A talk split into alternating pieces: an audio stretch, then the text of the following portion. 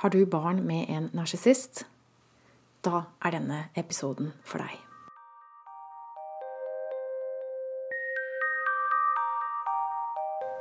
Jeg heter Line Strandvik og jobber online som personlig veileder. Jeg har hjulpet mange etter vanskelige skilsmisser og skilsmisser fra narsissister. Og hvordan, hvordan, ser det ut? Hva, hvordan er det å ha barn med en narsissist? Det du kan oppleve, er at samværstider og avtaler ikke overholdes. At grensene dine blir pusha konstant så det er mye vingling, mye fram og tilbake. Og så vil du oppleve at den andre har en del humørsvingninger som du skal forholde deg til. Og trusler. Så du går konstant og er litt urolig. Føler at du går på eggeskall. Og så kanskje du prøver å ligge lavt i terrenget for ikke å provosere. Det du også kan oppleve, er at barna forandrer seg. At de blir mer kritisk til deg, at de trekker seg vekk fra deg, som en følge av at eksen din ikke liker deg, eller snakker dårlig om deg, og at barna da blir påvirka. Det er kanskje noe av det vanskeligste.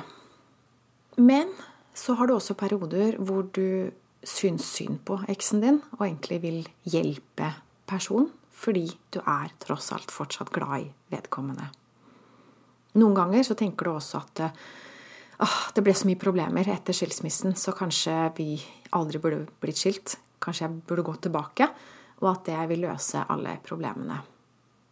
Og så kommer du inn i nye problemperioder hvor du innser at nei, det går ikke. Jeg skal aldri mer tilbake.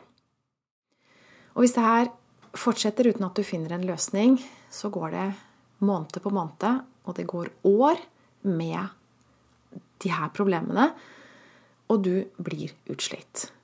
Du får tynnslitte nerver, og det er veldig vanlig å få posttraumatisk stress. Du kan bli deprimert, og da er veien kort til fysisk sykdom. Som kan lede til problemer på jobb, økonomiske problemer, og selvfølgelig er det veldig vanskelig å komme seg videre og få en ny kjæreste og få et nytt forhold til å fungere. Så du risikerer at hele livet ditt blir ødelagt. Men noen lærer å sette grenser for seg selv. De lærer å håndtere narsissisten. Men så har de dårlig samvittighet overfor barna, som blir værende igjen hos en person som ikke behandler dem bra. De skal jo fortsatt leve med en ustabil person som tidvis har en reversert omsorgsevne det vil si at personen har ikke omsorg for barna, men det er barna som må ta vare på den voksne. Og så lurer du på om barna blir utsatt for det samme som du ble utsatt for. Hvor det var sykler med devaluering, altså at du ble Du var ikke noe verdt lenger. Og du ble ignorert. Blir barna også ignorert? Blir barna kritisert? Ja, de blir utsatt for det samme som deg. Og så kjenner du kanskje på frykten for å miste barna som følge av foreldrefiendtliggjøring. Altså at eksen din gjør deg til en fiende. Så barna begynner å trekke seg vekk fra deg og være kritisk til deg. Og ja, det blir en konflikt mellom deg og barna. Du er redd for å miste barna, og du er enda mer redd for at barna skal miste deg. Fordi du vet hvor viktig du er for dem. Eller kanskje begynner du å tvile på det òg. Det er to typiske tabber jeg ser folk gjør som har havna i denne situasjonen hvor de har barn med en narsissist. Den første tabben er at de søker hjelp og støtte fra andre. Det kan være familiemedlemmer og venner og, og naboer og kollegaer og sånt noe. Barna.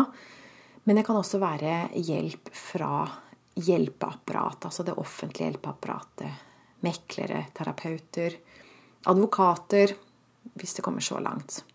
Og så opplever de at narsissisten har en evne til å manipulere andre mennesker.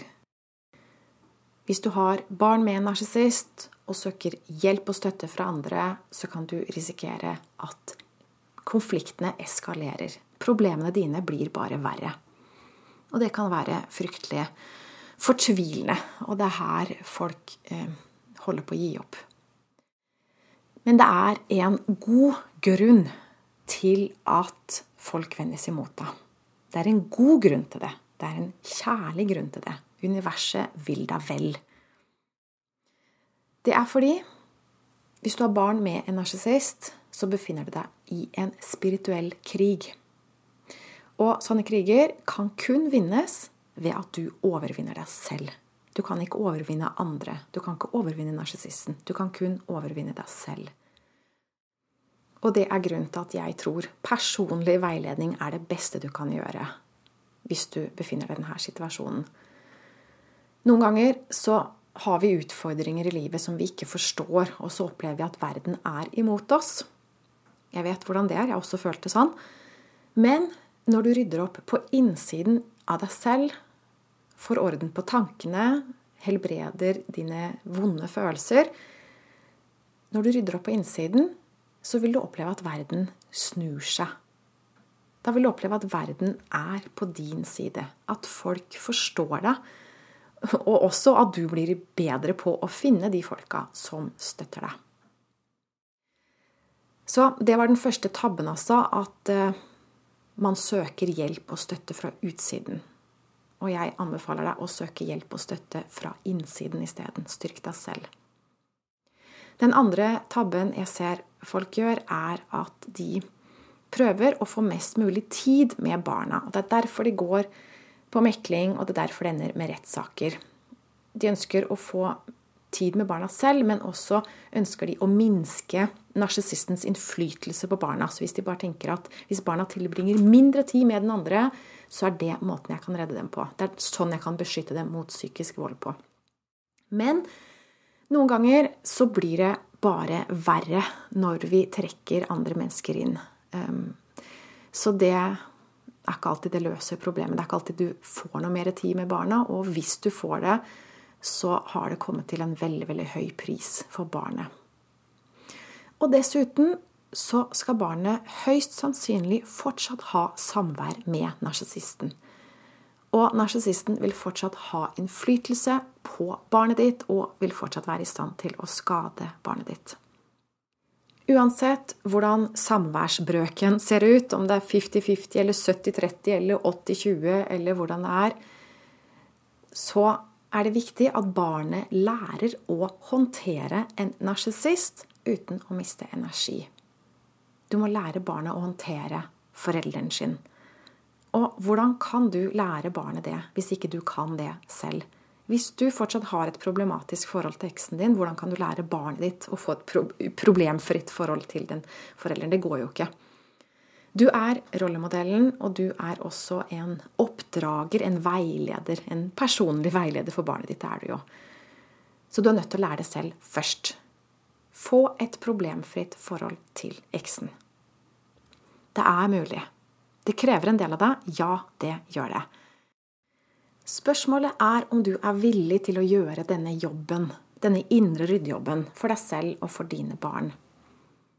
Eller gjør du som noen andre, som bruker narsissistbegrepet som en unnskyldning til å ikke gjøre noe selv?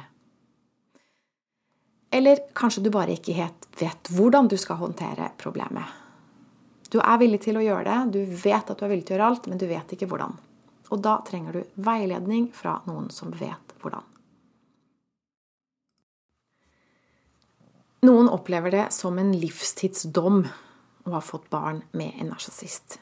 De tenker at de har gjort sitt livs største tabbe, og at de aldri kommer til å få det bra, og at barna aldri kommer til å få det bra. Men det er ikke sant. Du er ikke et offer.